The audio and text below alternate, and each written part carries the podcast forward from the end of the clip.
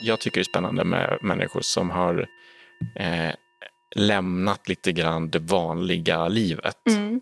Eller det här vanliga, med vanliga menar jag att man jobbar för en eh, lön, eh, går till det arbetet varje dag och framförallt det egentligen och Mm. blir som man säger egen eller ja, det är en, en sån sak. Mm. Man kan ju vara egenföretagare annars också såklart och jobba hela tiden.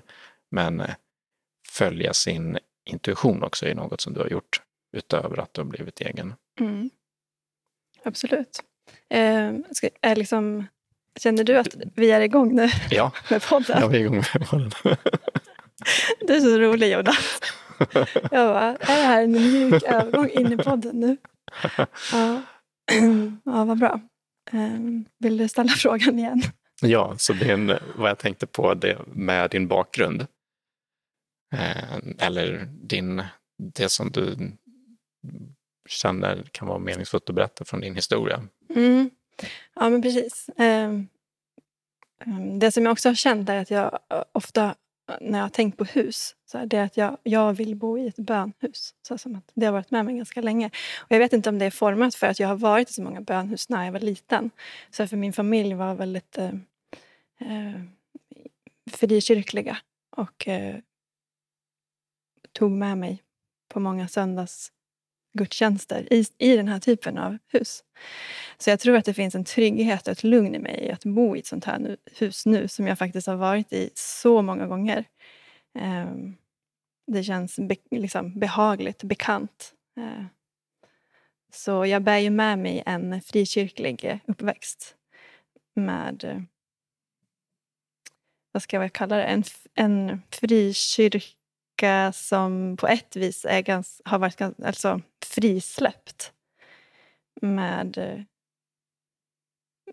tanter som har ramlat ihop framför altaret. Och liksom, Ja, sådana här... Ja. mm, vad de nu har fått såna upplevelser inför, inför Jesus och så Mm. bara ramlar de ihop och alla står runt omkring och bara är liksom i den där rörelsen. Det är ganska livfullt och speciellt att som sexåring stå där och se tanter falla ihop.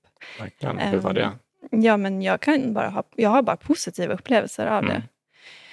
Men sen finns det också en tillknäppthet i kyrkan som, som såklart också har format eh, Vad mig. Och betyder det? kanske att, mm, ja, men att det ska vara på vissa sätt. Och att, eh, att det inte är så fritt. och att ehm, ja, Det kom i alla fall till en punkt någonstans i tonåren när jag kände att nu behöver jag utforska min tro på mitt sätt. Och eh, lämna kyrkan och mm, bara gå min egen väg och se vad, vem är Gud för mig. och vad, eh, så. så då blev det som att jag tog avstånd där under en ganska lång tid från kyrkan och inte alls var i, i, i, i något sånt sammanhang. Ehm, Var det, är det pingstkyrka? ja, precis. Ja. Det var Pingstkyrkan. Eller Philadelphia. Hette- Det är väl samma, men då Mm. hette det i alla fall Philadelphia kyrkan. Mm. Ehm, och sen, vad gjorde du sen då? När du inte, vad hände sen efter det då? När du tog avstånd? Ja, men då blev det väl ett ganska stort tomrum, skulle jag säga. Eh, kanske inte direkt, för då var jag så tonåring och det var så mycket annat som var jätteroligt och härligt att, att vara i. Men, men det som... Efter ett tag så kände jag att det, att, jag, att det saknades någonting i livet. Som att um, det finns något mer. Och vad är det? Och så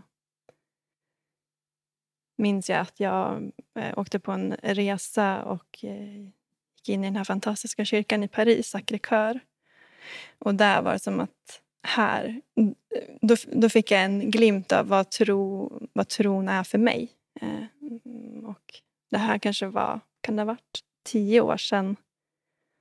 Tio år efter då som jag ja, slutade gå i kyrkan, eller vad man ska säga, eh, från barndomen. Och då så bara, ah, nej men här, det är det här. Det här vill jag veta mer om. Vad, vad, var det som hände här? Jag gick in där och kände en frid Vart var du någonstans? Sa du? i Sacré-Cœur I Frankrike? i Frankrike.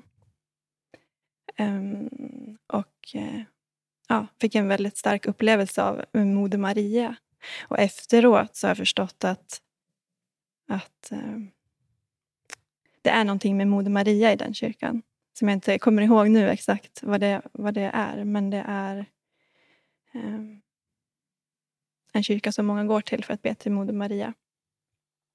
Ja, så där vände det tillbaka, liksom in i någon, i, inte tillbaka men in i en tro som, som passar mig och som, som, som jag blev nyfiken på. Och att det inte behöver vara i en form eller på något visst sätt utan att det handlar mer om en frid som kommer inifrån.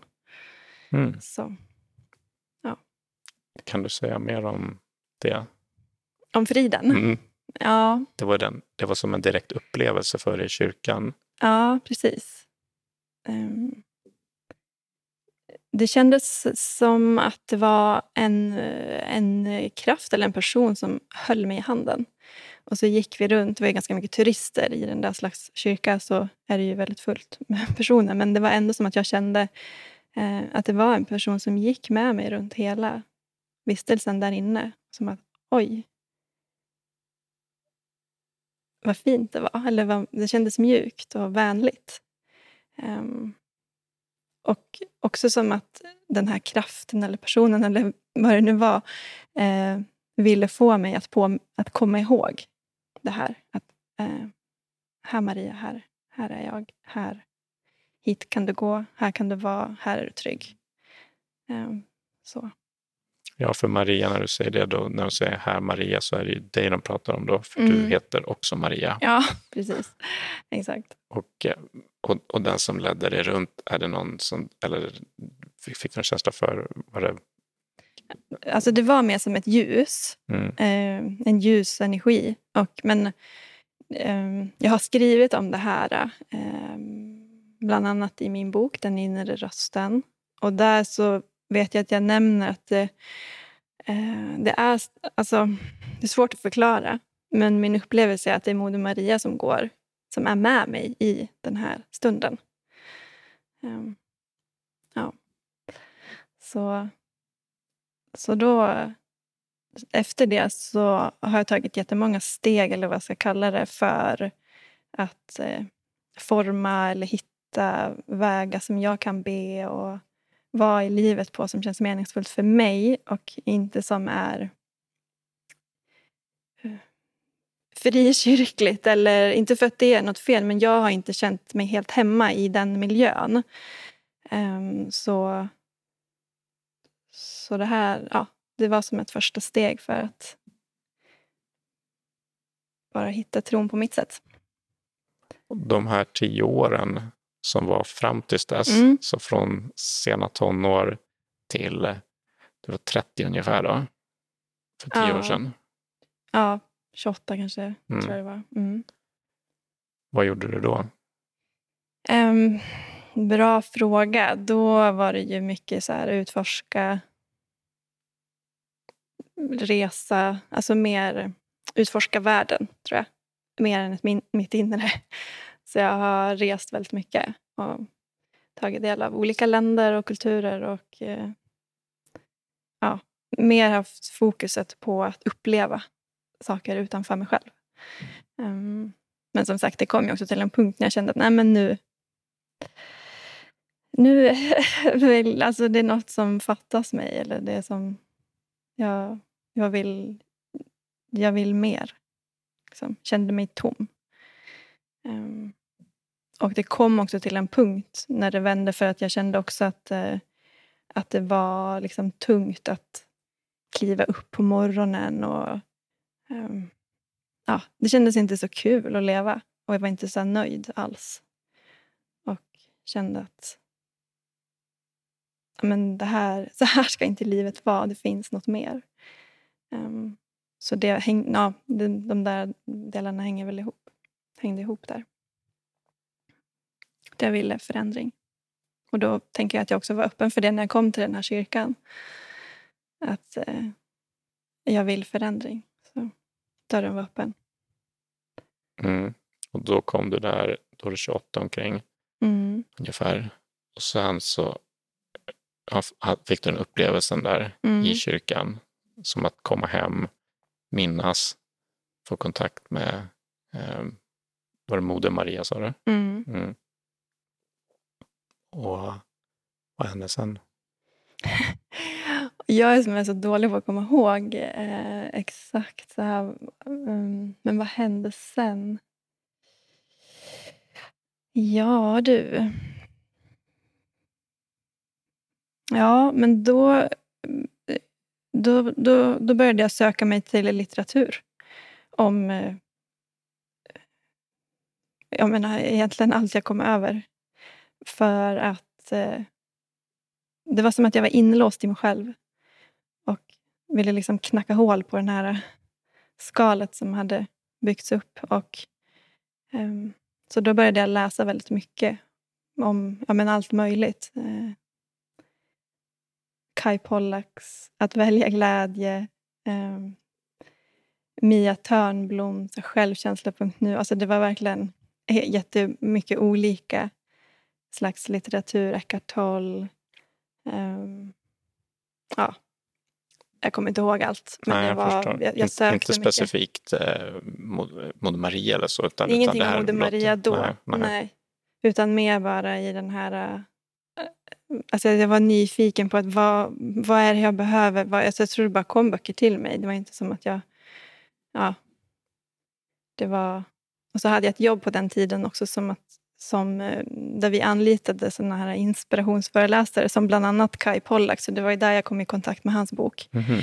Så att jag träffade väldigt många såna här inspirerande föreläsare som skulle väcka såna som jag som liksom sov, eller vad jag ska kalla det. Eh, så det var också väldigt eh, passande jobb där i den där övergången. Mm. Att få, få, få lyssna på väldigt många andra då, som, som kände sig levande i sitt liv. Så jag tog, jag, ja, tog med mig väldigt mycket från den tiden också. Um, så det var väl det som hände där under några år, att jag var nyfiken och liksom sökte mycket svar i andra eh, personer då som verkade leva ett öppet och härligt liv. Fann du några svar? ja, det, det, skulle jag nog säga att jag gjorde. Men kände mig också ganska vilsen. Att så här, ja, jag vet inte. Ehm. Ja, men i den här kulturen, det pratas inte så mycket om den här typen av upplevelser som jag hade i, i Paris. Och det är någonting som jag har hållit för mig själv egentligen ända fram tills jag skrev boken en massa år senare. Så, eh, så jag visste nog inte riktigt vad som hände där egentligen och vad, vad, det faktiskt har betytt för mig nu. Nu kan jag sitta och sätta ord på det och veta vad det har betytt. Men där och då så, så, så var det väl mer som en nykläckt kyckling som bara, var ska jag gå? Liksom, och så bara sökte överallt liksom, för att försöka vara i den här öppenheten mer. Um, ja, så det är väl kanske det man kallar en sökare. Jag vet inte. Men att uh, ja, söka mm. svar. Um, mm direkt efter den där upplevelsen, hur var det att du märkte av någonting då i ditt liv? Bra också? fråga. Ehm, ja, men, men absolut. För det är ändå som att efter den där händelsen så tycker jag att det har verkligen öppnat upp dörrar som jag inte skulle kunna ha tänkt ut. Absolut inte kunna ha tänkt ut. Så ja, absolut. Det, det, det tycker jag. Um, ja, men det ena ledde till det andra. Det, det var ju många år där som jag gjorde stora förändringar. och Böt jobb och böt stad. och ehm, ja, Gjorde slut med min pojkvän. och liksom Många olika steg. Att det blev som att jag lyssnade mer på vad jag faktiskt ville. Mm. Det som kändes så här, ja, men, ja, men det här känns sant för mig, hit ska jag gå. Det låter rätt jobbigt. Ja, men också lätt, befriande. Ja, ja. ja. Men inte helt lätta förändringar. Nej. Byta jobb, byta stad, byta pojkvän. Eller, Nej. Det är inte så lätta saker. Nej, verkligen inte. Nej, men det var ju en intensiv resa där under några år. Det var det helt klart. Um, men jag tror jag var helt eh, liksom, vad ska jag säga, redo för den. För det var som att... Ja, jag vet inte hur jag ska uttrycka det, men Ja. Nej, men jag kunde känna det i tidigt tonår. Att det finns något mer till livet. Det här kan inte vara allt. Och sen, liksom, vad det nu var, 10-12 år senare, att ja, det finns något mer. och jag har väntat på det. Jag har vetat att det finns, men jag har inte bara vetat hur jag ska vilka stigar jag ska gå för att hitta det eller liksom för att leva i det. Så, mm. För det är spännande för din, din uppväxt är ju så här, på ett sätt så superandlig mm. ur ett perspektiv. Såklart pingstkyrkan, och den är väldigt så här, som du säger, upplevelsebaserad och delvis i alla fall. Men, mm. men sen var det som att du fick eh, vissa typer av, eh, ja men att du var positiva upplevelser men också att det fanns en, en eh, vad ska man säga, att du, att du var låst på ett sätt också som inte var skönt. Mm. Att det inte passade dig bara helt enkelt riktigt så som det var. Mm. Och sen lämna det helt mm. i princip och ge dig ut. Eh, vet inte om det är nästan, ja, ja men ut och resa runt i världen. Och sen på något sätt får ha den där, komma tillbaka tio år senare, ha den här upplevelsen i kyrkan mm. och sen börja en ny eh, Eh, på något sätt att hitta din egen, hitta dig själv också kanske. Mm. Men din egen väg, inte minst. Mm. Ja, verkligen. Verkligen. Och det fanns en konstant längtan efter frihet. Alltså att få känna mig fri. För jag kände mig aldrig fri. Och det kan ju låta så här klyschigt men det var verkligen, alltså på varenda vision board jag skrev så var det så här, Alltså, ge mig frihet. Jag längtar efter frihet. Hur ska jag få frihet? Liksom. Så det var också med mig som en längtan att få slå mig fri. Jag kände som att, det kändes som att jag hade skygglappar och levde väldigt så här, kontrollerat och styrt liv. Som att, att jag hade stängt igen delar från mig själv och min uppväxt. Eftersom det var, jag har ju positiva, många positiva upplevelser av den här frikyrkliga uppväxten. Att, eh, att eh, att jag hade stängt ner den. Det som, som jag ändå tyckte om och ville ta med mig därifrån. Som jag hade satt locket på. Och det tror jag skapade en känsla av att jag inte kände mig fri. Att jag inte kunde liksom stå för min tro inför mina kompisar till exempel. Eller, det var ju som att jag bara stängde Gud i 15 års ålder. Så, mm. ja, lyfte jag inte locket förrän långt senare. Så, ja.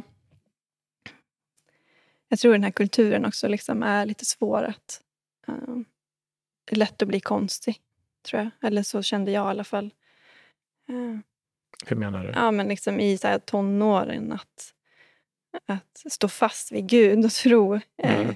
För mig var det svårt, för jag ville gärna så passa in och ha fina kompisar och liksom, ja, vara en i gänget. Inte mm. vara den som... Jag ville vara normal, antar jag. Mm. För det hade varit ganska onormalt också att växa upp och gå till kyrkan. Ingen av mina vänner gick i kyrkan till exempel, kanske en. Så det var väldigt onormalt att ha föräldrar som bad bordsbön och eh, gick i kyrkan på Du växte upp i, i Stockholm? Nej, i, en, i, i Tierpen. Ja, visst, i, ja, ja, visst ja. Smart. och även där så var det inte folk som gick i kyrkan? Alltså, det fanns, alltså Nej, men det var ju, alltså min upplevelse var att det mest var pensionärer mm. och liksom min familj. Och, mm. um, så det var inte en massa barn som sprang omkring och alltså att jag hittade kompisar där. Nej. Utan mina kompisar var andra som inte gick i kyrkan. Och då var det också ganska lätt att men nu vill jag välja bort det här och ja, mm. vara mer normal. Mm, ja. ja, men jag kan verkligen förstå det. det jag, kommer inte, jag har, känner ingen som under min uppväxt som någonsin gått i kyrka eller Nej. varit troende på något sätt. Det var inte ens den alltså det var ingenting vi pratade, alltså det var inte ens att någon nämnde någonting om det. Mm. Eh, det vet bara att det fanns en person, en, någon kille i skolan som var någon så här, ja, någonting. Mm. visste jag. Ja. Eh, men i övrigt visste jag inte om någon och det var inte ens att man det var inte så här man troende eller inte. Det, det fanns bara inte nästan. Mm. Så de som hade någon sådana grejer var ju, stack ut rätt mycket. Mm. Men var, var, du troende då själv och hade det för dig själv? Eller? Nej. Nej, det var inte. Nej. Nej, det var i mitt liv också. Mm. Eh, att bara, ja men, jag såg ju på världen som ja, men de flesta gör idag, mm. man ska säga. Eller många i alla fall. Kanske inte de som lyssnar på det här, men, men att många som Eh, att eh, de saker vi inte kan bevisa är inte sanna ungefär. Mm.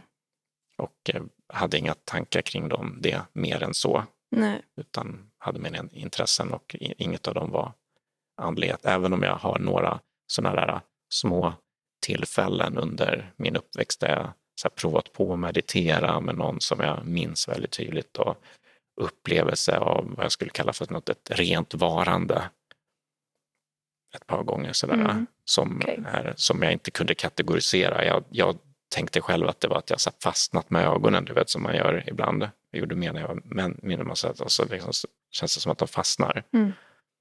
Ehm, så tror jag att jag klassade det, men jag har förstått efterhand att det var inte det. För jag har haft de upplevelserna mer som vuxen sen också. Mm. Men, ja, men jag förstår det. Att eh, som tonåring är ju att passa in det viktigaste mm. för majoriteten tonåringar. Åtminstone i den gruppen man vill mm. tillhöra. Man mm. behöver inte vara lik alla andra, det är tvärtom. Men, men man vill passa in och då, mm. då lämnade du um, gjorde du lite avkall på vem du var. På det ja, sättet. men alltså så här, i efterhand är det ju lätt, jättelätt att sitta och säga det. Att jag kan se att jag gjorde det. Mm. Uh, men det var inte som att det skedde från en dag till en annan. Uh, utan att det var som en övergångsperiod. Uh, men jag tror också att, att det inte bara handlar om att passa in. Det handlar också om att faktiskt den, den kyrkan som, som var där och då inte passade. Att det, det fanns något annat att utforska. Så jag är jätteglad för att jag har gått den här vägen och, och, och hittat eh, på det sättet som jag vill be och tro. Och, ja, som, mm. som, men det är intressant också att tänka så här, men inte uppväxt i en frikyrklig liksom, familj, ja men då vet jag inte det vet man inte, det är bara spekulationer. Men, men jag tror att jag i alla fall har fått väldigt mycket genom att ha varit i en sån miljö. Att det, har, att det finns en öppenhet och nyfikenhet inför det mystiska och eh, andevärlden och liksom allt det här. Mm. Ja, verkligen. Att stöta på det är eh, en av sådana här filosof eller mystiker som jag brukar läsa, Ken Wilber, han, när han, han läste om uppvaknande då, som jag gillar att prata om, när han var 20. Och då blev han så här jättearg. För han har ägnat hela sitt liv, tänkte han, åt att allting som samhället säger att man ska göra. Och så läser han en bok om att det finns någonting att upptäcka, en, en annan typ av sanning. Eller en, ja, och ingen har berättat det för honom mm. under de här 20 åren. Han har pluggat, går på universitet, läs, ja, du vet, gör allting som man ska göra rätt. Men ingen har sagt att det här finns ens. Mm det är som en... Jag tänker på det, så det fick du ju delvis. Mm. Mm. Verkligen. Ja, men jag kan ju förstå att man kan känna sig lite snuvad då. Ja. Varför har ingen berättat? Ja. Precis, varför säger ingen om någonting om ja. det här? Och de som säger det är, eller pratar om det mer är ju tenderar ju vara åt det här galna hållet, mm. man ska mm. säga, eller som man ser i alla fall utifrån galet och kanske är det i vissa fall. Så vi ser så här Knutby-sekten och man ser någon sån här tokiga personer eller så är det eh, svenska präster i, i, i, eller präster i Svenska kyrkan som har något så här i mina, vad jag tycker många gånger lite tråkigt och urvattnat budskap som de kommer med. Mm. Och där tro är, där Gud är någon metafor för någonting bara och eh, allting är, det är inte så här, det är mer bara, det är inte riktigt på riktigt heller, är min upplevelse. Mm. Mm. Jag vet inte vad du, jag kommer att tänka på, hur, hur har du det nu med, ja eller vad gör du idag? Eller hur lever du mm. idag med det här? Ja. Mm, mm. Eh, hur ska jag formulera mig? Eh, nej men nu, nu känner jag att jag är, jag, bär, jag är och bär min tro med, i min vardag. Att det är en väldigt naturlig del av hur jag lever. Att jag eh, ber, att jag lämnar över mitt liv. Um, och att det är ingenting som jag bara gör en gång på söndagen i kyrkan. Och jag ser mig inte ens själv som kristen. Eller, eh, och jag går till kyrkan ibland, men det är inte där jag... Alltså jag, jag, jag känner att jag har en nära relation med Gud i min dag. Och det är det som har varit den stora förändringen för mig, tror jag. Att, att jag behöver lämna över mitt liv för att kunna eh, leva ens en dag, känns det som. Så, så så bön och ceremonier och naturen känns som ett, ett naturligt inslag av det som är min tro nu. Eh, och hur jag väljer att leva och liksom att... Ja, också i mitt arbete så försöker jag normalisera bön. Och också att, att det är en vacker ceremoni som vi kan göra enkelt för oss själva. Och att det inte behöver vara något där ute. Liksom, eller bara i kristna världen. Eller liksom, ja, helt enkelt föra in bön i, i vardagen. Mm. Kommer, um, hur ser en dag ut för dig?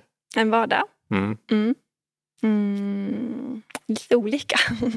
Men eh, om, om det är alltså, man ska säga om det är en arbetsperiod Mm. så skulle jag säga att eh, jag går alltid ut först i trädgården. I alla fall på vår, sommar och höst. Eh, kolla läget, vad som har hänt. Eh, och eh, sen så plockar jag med mig te in oftast, om det finns då. Ehm, eller så tar jag torkad ört om det är vinter. Så att jag dricker något från min egen trädgård. Och ehm, så sitter jag med den kopp teen och skriver dagbok. Och då kan det också se lite olika ut hur jag skriver. Men ofta så skriver jag hur jag känner mig. Um, oftast skriver jag bön.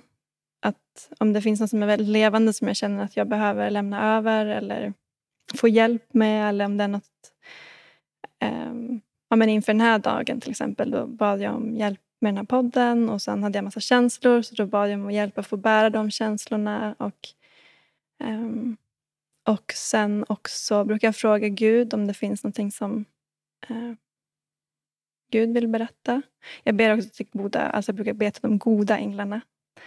Um, så då brukar jag sitta och lyssna och bara försöka eh, ta emot om det kommer någonting som vill berättas och så skriver jag ner det. Så dagbokstunden är oftast uppdelad i tre delar. Så, Tre Ja. delar. ja, att jag skriver känslor och så bön och sen ta emot om Gud vill berätta något. Mhm. Och när Gud vill berätta någonting, Ja, hur går det till? det går till. Ja, det var en bra fråga. Ehm, ja, nej men alltså så här. Jag tror att jag har odlat en väldigt, eller tror, jag vet att jag har odlat en väldigt nära kontakt med min inre röst. Att Jag hör, jag hör en klar röst inom mig. Eh, för att jag har skalat av väldigt mycket i mitt liv. Så att jag, jag lever nära mig själv. Det är inte så mycket brus som det var förr i tiden. Eh, av tankar och oro och rädslor och allt vad det kan vara. Så, alltså jag upplever bara att om jag öppnar upp den kanalen så då hör jag svar. Då hör jag det som vill komma. Och det är som, det är som ett djupare vetande. Mer kanske än en röst som pratar. Eh, så ja, det känns ju som den högsta delen av mig själv. Eller den visaste delen av mig själv skriver. Så, och det är skillnad. Det är intressant att, att, att det, det är en intressant skillnad att skriva så här, nu så här känner jag mig och det här vill jag be om. Men, så här, men vad vill Gud berätta för mig? Att blir, jag hör en skillnad. Mm. Så prova. Mm. Det är svårt att förklara, men Mm. det är väldigt subtilt. Ja, nej, men jag förstår. Jag har ju Mm. eh, kanske inte, men, ja, men också under många år tränat på att lyssna på min intuition. Ja, Och, eh, och sen kan man ju tänka att det är, ja vad är det för någonting som, som är, vad är intuitionen? Mm. Är det min eller kommer det någon annanstans ifrån? Och, och det kan vara lite sådär mitt högre jag som du sa eller Gud eller något annat. Och då eh, har det tagit många år att kunna särskilja eller framförallt bara höra mer eller kunna lyssna på det. mm. Och, och det, det är tydligt också. Eh, ja, men I vissa situationer kan det vara att jag verkligen upp, upplever att jag tänker grejer som är så långt ifrån vad jag själv tänker ja, och ord som jag själv inte säger.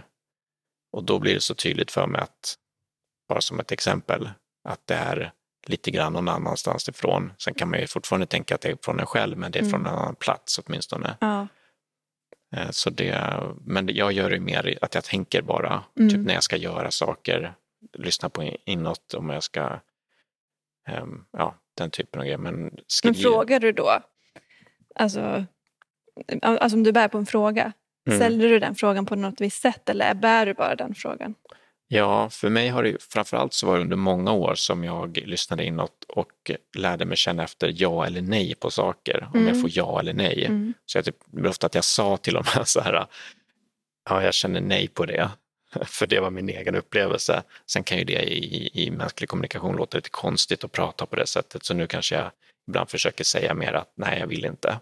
Mm. Sådär. Men så det var den stora grejen, att kunna känna ja och nej för saker överhuvudtaget. För nästan alla saker är ju så här, ska jag göra eller inte? Ska jag ringa den personen eller inte? Ska jag ta det här jobbet eller inte? Ska jag vara ihop med den här personen? Men även alla små saker. Ska jag dricka vatten eller inte? Så jag gjorde det på allt. Och, eh, och lärde mig lyssna inåt mer och mer då på det. Mm. Eh, Men sen här större frågor vet jag inte, jag tror inte jag har provat det. Alltså ta sådana att bära dem. Mm. Utan jag får nästan alltid, jag vill ha svaret direkt kanske. Ja, okej. jag vet Ja. inte. Eh, Men vissa saker kan jag ha nog som, ehm, som typ att jag kanske känner alltså att jag bör hålla på med någonting annat exempelvis. Mm. Och något tidigare jobb hade men jag fick inte ja på att byta jobb. Mm. Och då blir det som att någonting får gro ungefär. Mm. Just det, under en tid. Mm. För jag kan tycka att vissa, i vissa fall är det ju svårt att veta direkt. Det behöver verkligen få gro. Och ibland kan det ju komma försvar eller liksom att jaha, nej, jag vill inte. att det kommer ett väldigt snabbt nej. Och då kan jag ju vet, då vet jag ju nu att okej. Ja, att jag kan ifrågasätta mina nej ibland också för att det är inte alltid är det sannaste nejet. Nej, Ehm, Men det, det är ju bara öva som gäller känns det som. verkligen. Det, det är det som är svårt. Ja. Det, det är just det, för att vi har rädslor Ja. som ibland sticker in och Mm. säger nej. Och så säger man, jag fick nej på det. Sådär. Mm. Eh, Så det, där, där kan det vara svårt. Mm. Beroenden, Mm. st- starka rädslor Mm. kan få en att känna ja på grejer man inte borde göra och säga Mm. nej till saker som man skulle kanske behöva göra.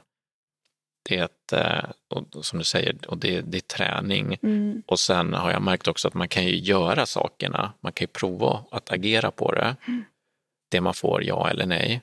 Och sen utvärdera Mm. efteråt, var det här rätt? Och så här, ja, när jag klämde hela den där chokladkakan efterhand så, så kanske det, det var mer ett beroende Mm. som jag hade där. Och eh, jag kanske hade kunnat lyssna ännu djupare. Mm. Ja, men eller hur? Alltså det, det finns ju aldrig något egentligen. Alltså, det är bra att våga prova och inte tänka så här, "Åh, jag måste ha rätt sanning jag måste ta rätt steg. Liksom. För då är det lätt att fastna också i att, att det inte blir någonting. För att jag inte, nej, jag hör inte min inre röst. Men det är jättebra att prova och liksom ha en utvärdering. Det är toppen. Men också det där som du sa med ja och nej, det tycker jag är klockrent. Alltså för att det är i alla fall, tycker jag, ett första steg att börja känna in att ja, har jag ett ja eller ett nej? Oftast vet vi ju. Vi vet ju bara. Alltså Mm. vi verkligen kan stanna upp och lyssna. Mm. Har jag ett ja eller ett nej här? Och vet vi inte, men då kanske vi behöver ta en paus från hela frågan. Gå ut och ta en promenad eller bara liksom göra någonting annat. Och inte fastna heller i att svar ska komma på en gång. Nej, nej, men det är det man måste. Det är ju, en grej är ju att över tid träna sig, som Mm. du har gjort. Mm. Alltså att faktiskt arbeta aktivt med det. Då, då blir vi bättre på att höra det. Ett annat sätt är att försätta sig i tillstånd med, som med meditation eller gå skogspromenader eller sånt där. Stå i duschen kommer ju folk på insikter Mm. som man skulle kunna tänka är från det här stället. Jag har läst om någon sån här bergsklättrare som jätteduktig bergsklättrare och han sa att eh, han, och han klätt- klättrar så utan, vad heter det, klättrar fritt så det är livsfarligt. Mhm. Och eh, på jättesvår bana då. Och, och då säger han att han var guidad hela vägen. Han har en inre röst som bara säger vad han ska göra Mm. hela tiden. Och det är så han, han klarar det. Mm. Och, och det är också ett typ av så här tillstånd som han går in i när han klättrar. Och som vi säger, lite som det här flow eller vad det är flöde som vi säger. Mm. Och, och då kommer det också, rent, som jag har förstått rent neurologiskt, så stänger faktiskt hjärnan ner det här vanliga kognitiva mm, som, som vi hör, alltså vårt vanliga prat som kanske när man skriver ner hur känner jag idag och vad- vill jag göra imorgon och sådär. Mm. Så det blir nedstängt. Den, vanliga eh, personliga rösten eller den, alltså, ja, och så blir det, men istället kommer någonting annat någonstans ifrån. Mm. Just det. Mm, det är väldigt intressant. Ja. spännande att vara som där. Skulle jag aldrig våga. Nej, Nej men apropå på det, Eckart Tolle som du hade läst, Ja. han, han menar ju att vad vi kan göra är att vi kan komma mer in i det tillståndet i vardagen. Vi Mm. behöver inte klättra berg, vi behöver inte hålla på med extremsporter, vi behöver inte ta droger, vi behöver inte, ja, oftast måste man göra någonting. Mm. Man måste ju ja, skriva eller gå på, alltså man tenderar att behöva någon typ av praktik. Mm. Men bara vetskapen om att det finns där och faktiskt söka det, Mm. sätta en sån intention eller, eller göra en sån bön som du sa. Att söka det här, jag vill komma i kontakt med mig själv. Eller med min själ eller mitt högre jag eller Gud eller vad det nu än är. Mm. Då, då får vi mer av det i vårt liv. Mm. Så är det verkligen.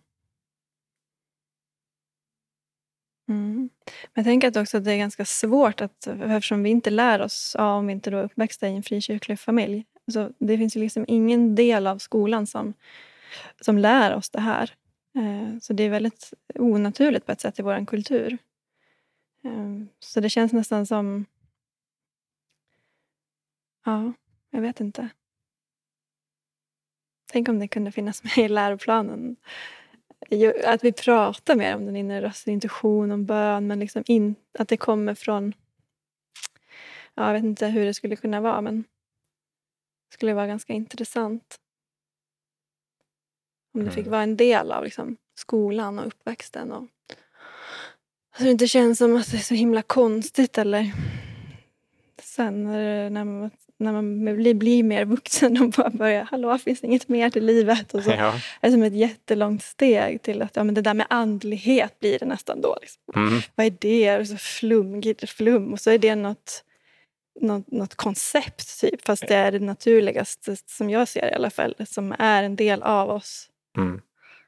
Ja, definitivt när man så här, konceptualiserar det som bara komma i kontakt med sig själv. Ja. För när man tänker väldigt krasst, man ska säga, på en uppväxt i moderna samhällen så är det mycket man får lära sig att inte lyssna på sin intuition. Antingen Mm. för att man blir straffad när man gör som man följer den.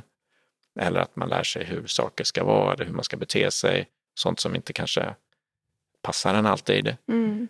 Och eh, det är aldrig någon som säger det nästan. Ja, men vad känner du själv innerst inne är rätt? Mm. Och eh, lär dig lyssna på det. Mm.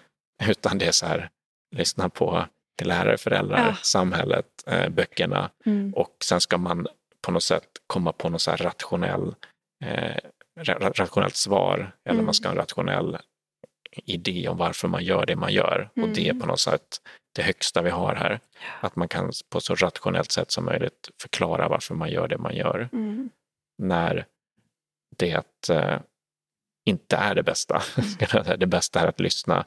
Vi ska såklart tänka och fundera och, och vad är bra och dåligt och lyssna på folk och sånt där. Men sen måste vi gå till oss själva för det är bara där vi hittar oss och vår egen väg. Mm. Ja, det är så sant.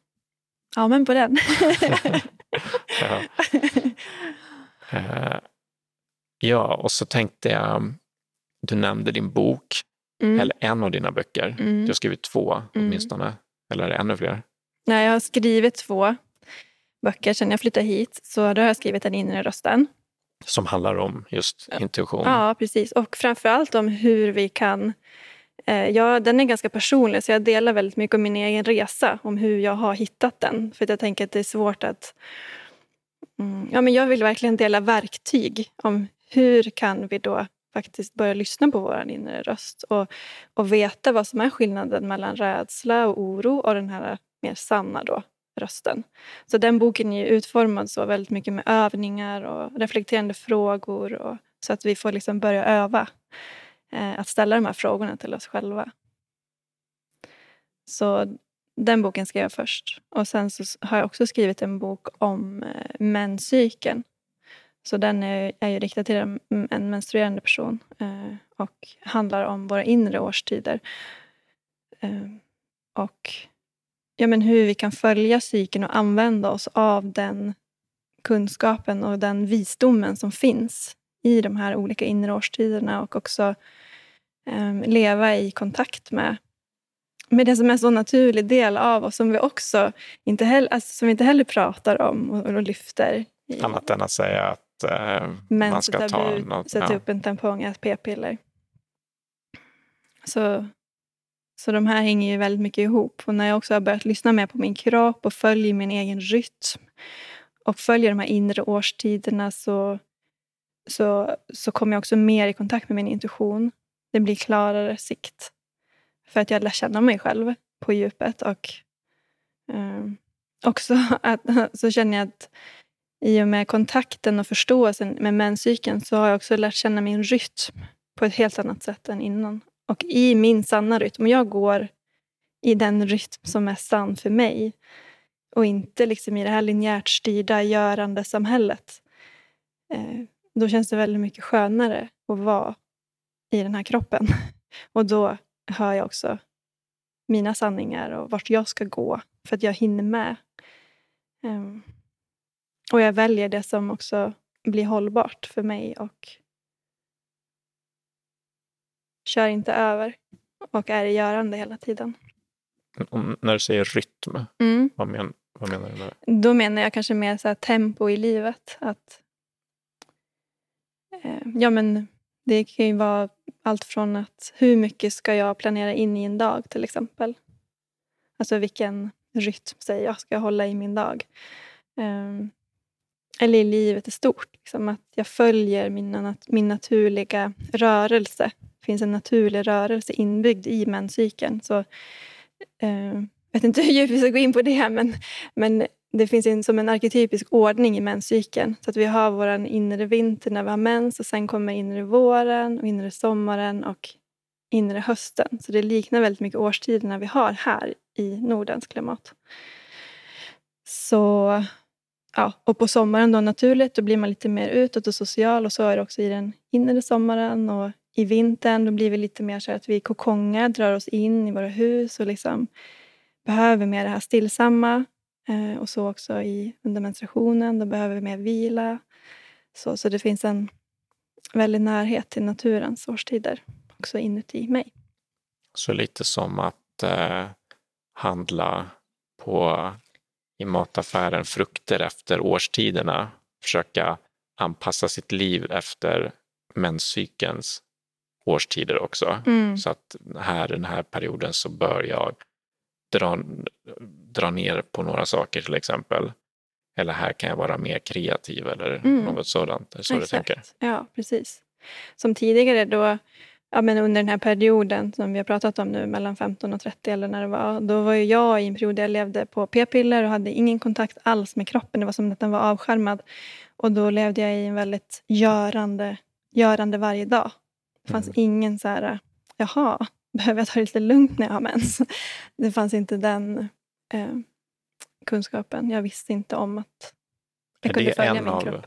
Är det en av cyklerna? Är, är, det någon som är göra utav, utav årstiderna? Ja, men alltså, alltså du, du, kan ju göra saker hela... Alltså, du kan ju göra saker, men du kan också kanske fokusera på vad du gör. Så att i min inre vinter, ja men då när jag har mens till exempel, då vilar jag väldigt mycket. Men sen framåt dag tre och fyra, ja men då kanske jag kan... Då tycker jag om att baka, så då kanske jag bakar lite kex. Men då är det liksom en grej jag gör, och gillar från arbete. Men sen kanske på dag fyra, då kommer skrivande. Och eftersom jag tycker om att skriva, då, då väljer jag att skriva, skriva på de dagarna, till exempel i, om det är en arbetsdag. Eh, så då skriver jag för att det är ett mjukt görande. Men det är inte som att jag går ut och gör ett nytt land i trädgården. när jag har mens. Eller, utan det kanske jag då väljer att förlägga i, i min inre sommar när jag har mer energi och jag pikar och det är den här ägglossningstiden och allt liksom, alla hormoner är i balans och, och så vidare. Så ja, man kan styra helt enkelt hur, vad som passar. I. Mm. Men även om jag då kanske har ett, om det, om det är så att, uh, att du har ett uh, vad ska jag säga, åtta till fem arbete, jobba måndag till fredag och inte ha kanske den här friheten som jag har som egenföretagare att styra. Så tänker jag ändå bara att bära med sig den här kunskapen till arbetet. Okej, okay, jag kanske inte bokar in möten den här tiden utan de väntar jag mig hit och så att, att jag omfamnar mig mer om jag går till ett jobb på mensdagen, tar med mig en kopp termos eller att jag försöker liksom göra det mer mjukt även om jag behöver gå till ett arbete till exempel. Mm. Så det finns Så att, så att jag försöker följa den här rytmen då. Som är sann. Och den boken, är det, där beskriver de det också? Och eh, är det praktiker och sånt också? Eller hur Ja, det? båda de här böckerna är med reflekterande frågor. För jag gillar att... Det är så jag själv väcker mig själv till Mm. liv. Mm.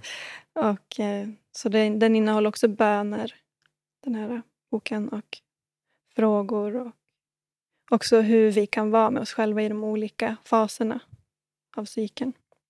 Så man får tips på Mm. ja, vad som kan vara bra. Att göra och inte göra. Så då det och sen så har du kurser också, Mm. åtminstone, och samtal. Va? Mm. Är det så? Ja, precis. Vägledande samtal har jag eh, online. Och så har jag ehm, en onlinekurs som, som jag har skapat som är just på det här temat att ja, men vad är det som kallar inifrån? Vad är det som vill komma fram? Så i den kursen så är det väldigt mycket fokus på hur jag kan lyssna på min inre röst. Är det She Creates? Ja, precis. Är det för kvinnor? Det är bara för kvinnor. Ja. det är några män som faktiskt hör av sig. Bara, när ska du öppna dörren? Men ja, inte än. Mm. Ja, så, så den är också väldigt eh, vad ska jag säga, en praktisk kurs med övningar där, där, där jag ger liksom, övningar där vi får öva på att öppna upp den här dörren och lyssna på den. Men också för att jag vill ju att vi alla ska göra det som vi har kommit hit för att vi ska göra. Och att vara i den kreativiteten och leva det som vi verkligen vill skapa. Så kursens, vad ska jag säga, syfte är också att väcka till liv kreativiteten. Och, så att vi får ägna tid åt det som är våra jan och som vi vill göra. Mm. Ja, men, ja, men häftigt. Härligt. Kul att se, tycker jag i alla fall, någon som gör den typen av eh, saker. Och, Ja, eh, men tack. ja, det känns ju så. Vi har mycket att, att prata om när vi ses. mm.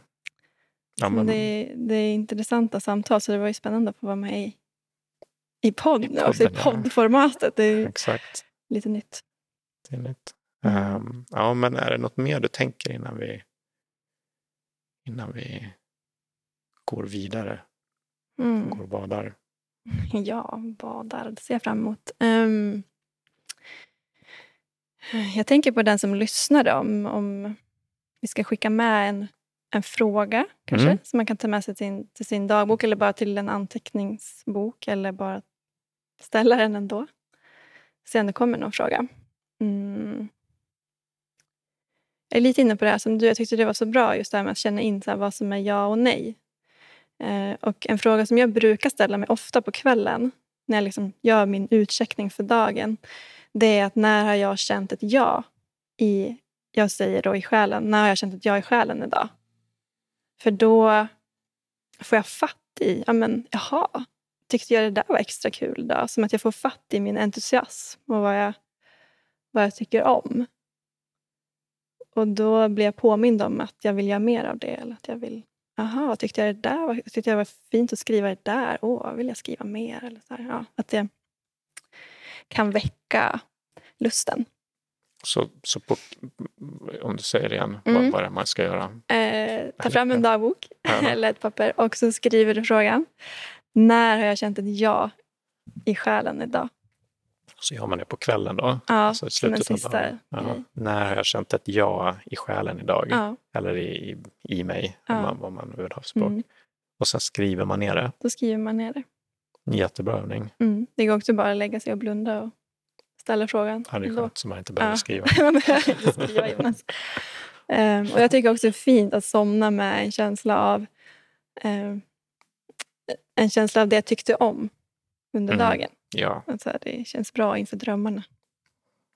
det är jättebra. Jag brukar göra, eh, eller det, till och från tacksamhetsövningar på Mm. kvällen.